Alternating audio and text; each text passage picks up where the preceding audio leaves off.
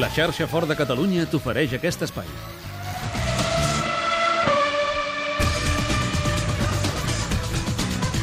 Demà a les 5 de la tarda, penúltima prova del Mundial de Fórmula 1 a Interlagos, circuit mític i en directe al Tot Gira de Catalunya Ràdio, Gran Premi del Brasil de Fórmula 1.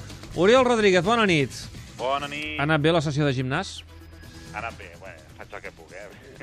Uh, no, és que m'has dit que anaves al gimnàs, eh? i per això t'ho Sí, home, preguntava. perquè clar, és que aquí a Brasil eh, els menjars diria que són bastant contundents i o et cuides una mica o arribes aquí que, que sembles a, al salmorri i la seva panxa, no? Aleshores, Sabia, Ah. sabia que en Què? algun moment atacaries el salmó. Què?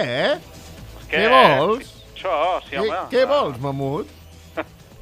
T'has de cuidar i, i un servidor també, perquè si no... Està gran, això està gran el. Se'n va, se'n se'n va de les mans. Escolta, Moriol, si eh, ja parlarem un altre sí, dia de la si aquí panxa del parléssim salmorri. només prima donna, saps què et vull dir? Sí, Home, no, és un Home, pinzell, el, l'Oriol. el Club i jo estem bastant finets. En forma, en forma. Sí. I no, i l'Oriol també, eh? Va. Deixa'l córrer, l'Oriol. Escolta, Moriol, eh, el que dèiem, eh, avui pole position per Nico Rosberg, que repeteix el que va fer la setmana passada, per tant, i, i posa una mica d'emoció. Després el que veurem què és el que passa després a, a la cursa, perquè recordem-ho que la setmana passada va aconseguir la pole, però al final va guanyar Hamilton. Eh, avui, novament, ha tornat a atacar primer.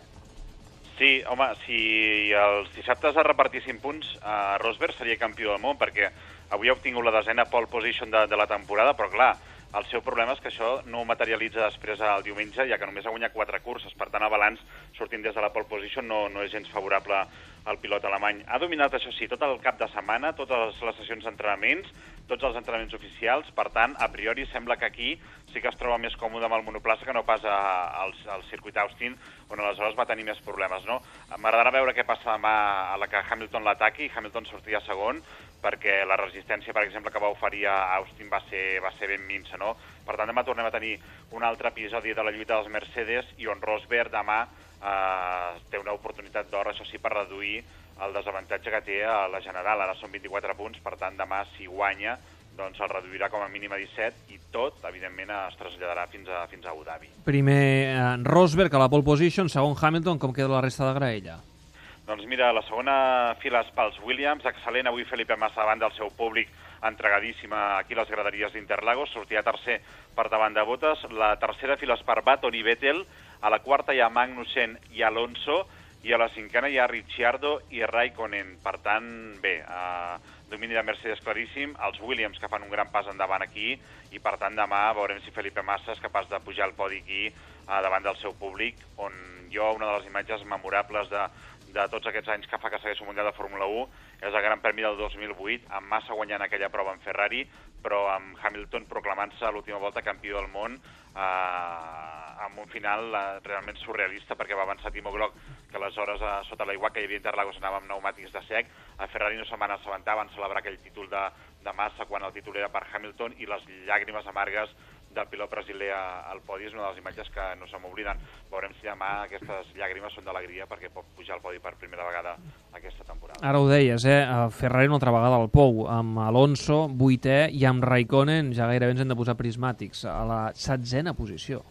Sí, és que el Ferrari, evidentment, ja fa molt de temps que ha llançat la, la temporada eh, i fan, van enrere. Hi ha altres equips, per exemple, que, que van evolucionant a poc a poc. Fan el cranc. Ferrari- No? Sí, eh? fan el cranc, sí, fan la tàctica del cranc. Home, Alonso demà des de la vuitena posició, pensa que ell al principi de temporada eh, potser un quart o un cinquè lloc el podia aconseguir, però és que cada vegada està pitjor a, a una volta, amb la qual cosa el rendiment de monoplaça demà, demà pot ploure, eh? Si plou, Home, a, a Brasil, a Interlagos, és, és el circuit clàssic on sempre veiem eh, pluja, perquè és una zona, lògicament, on hi plou molt, i per tant un, un circuit on acostuma a haver-hi molts accidents, eh?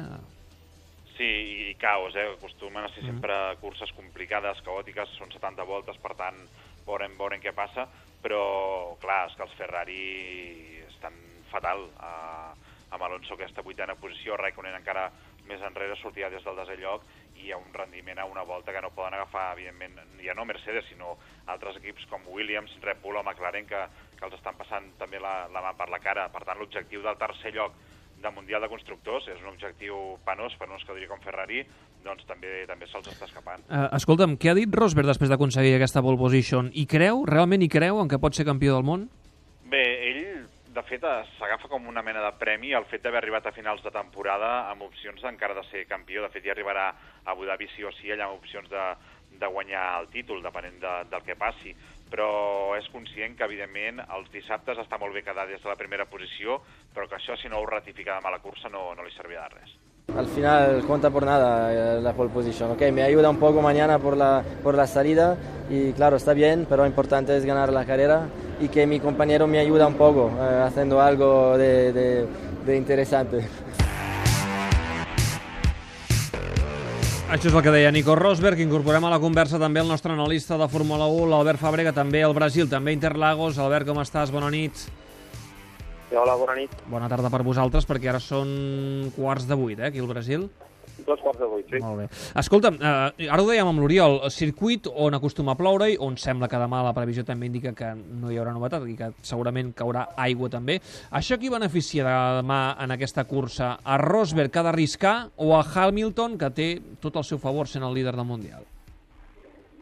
Doncs mira, el que està clar és que posarà les coses complicades a tothom, tant si plou com si no plou, perquè aquest nou resfaltat i a les pròpies característiques del circuit d'Interlagos han, eh, anat, eh, han anat o que han anat de corcoll els equips en aquests entrenaments lliures. Van veure graining, van veure blistering, que són eh, factors que el que fan és accelerar la degradació del pneumàtic i, per tant, eh, fer que les prestacions eh, disminueixin ràpidament i puguem veure un ball de bastons important a nivell d'estratègies. Els més perjudicats amb aquests problemes han sigut els Mercedes. Ahir Rosberg van veure aquelles rodes planyes de forat, que això és el fenomen de blistering, que és que es descomposen trossos del pneumàtic.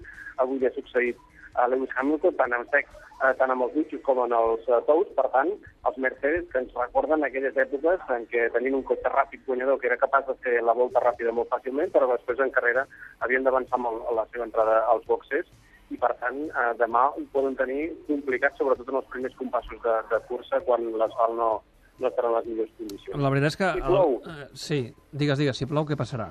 No, si, si plou, doncs, ho tindran molt complicat tots, eh? perquè encara hi ha moltes restes d'olis, hi ha molta resta de quitrà d'aquesta nova resfaltada. Mm. L'aigua el que fa és treure-les de dins dels poros de l'asfalt, posar-los a sobre la pista i la barreja entre aigua i oli és eh, fatal pels interessos dels, dels pilots que hauran de pilotar sobre gel. Sí que és una completa loteria, perquè els índexs d'adherents de l'asfalt seran mínims.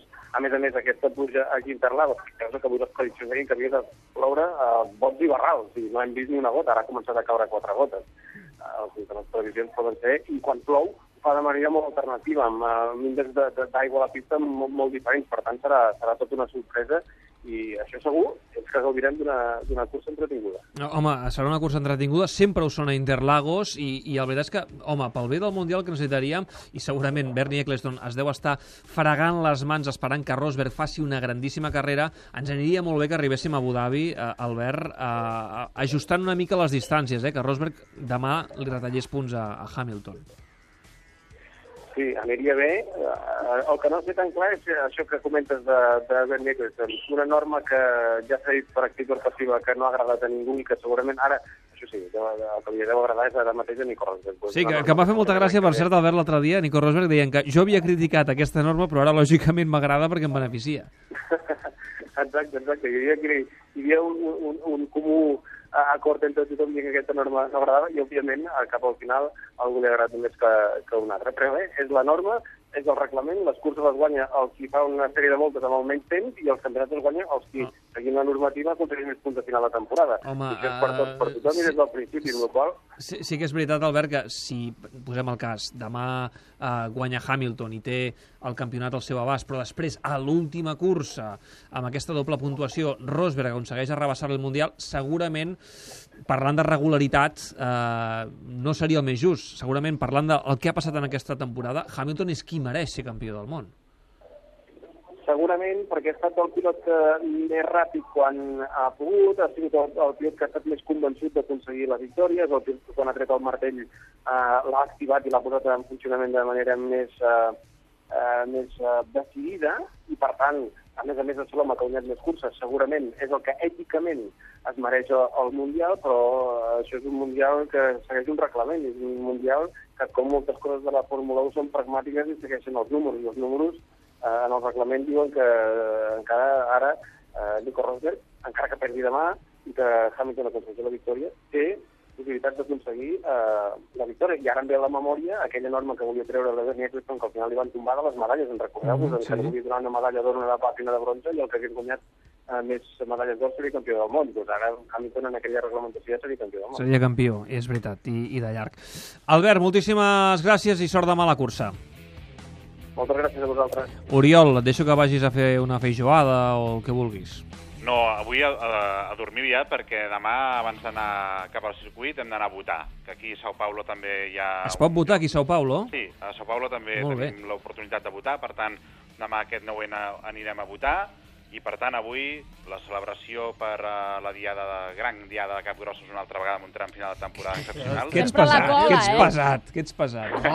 Oh. Escolta'm, afina bé la veu que demà a les 5 fem la transmissió eh, d'aquesta prova a Brasil, compartint espai amb l'Eudal, amb l'Ubac i companyia amb l'Espanyol Villarreal.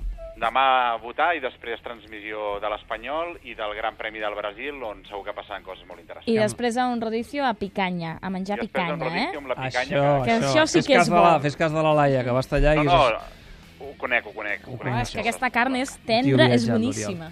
Excepcional. Apa, Oriol, una abraçada. Petons. Tot gira amb David Clopés. Catalunya.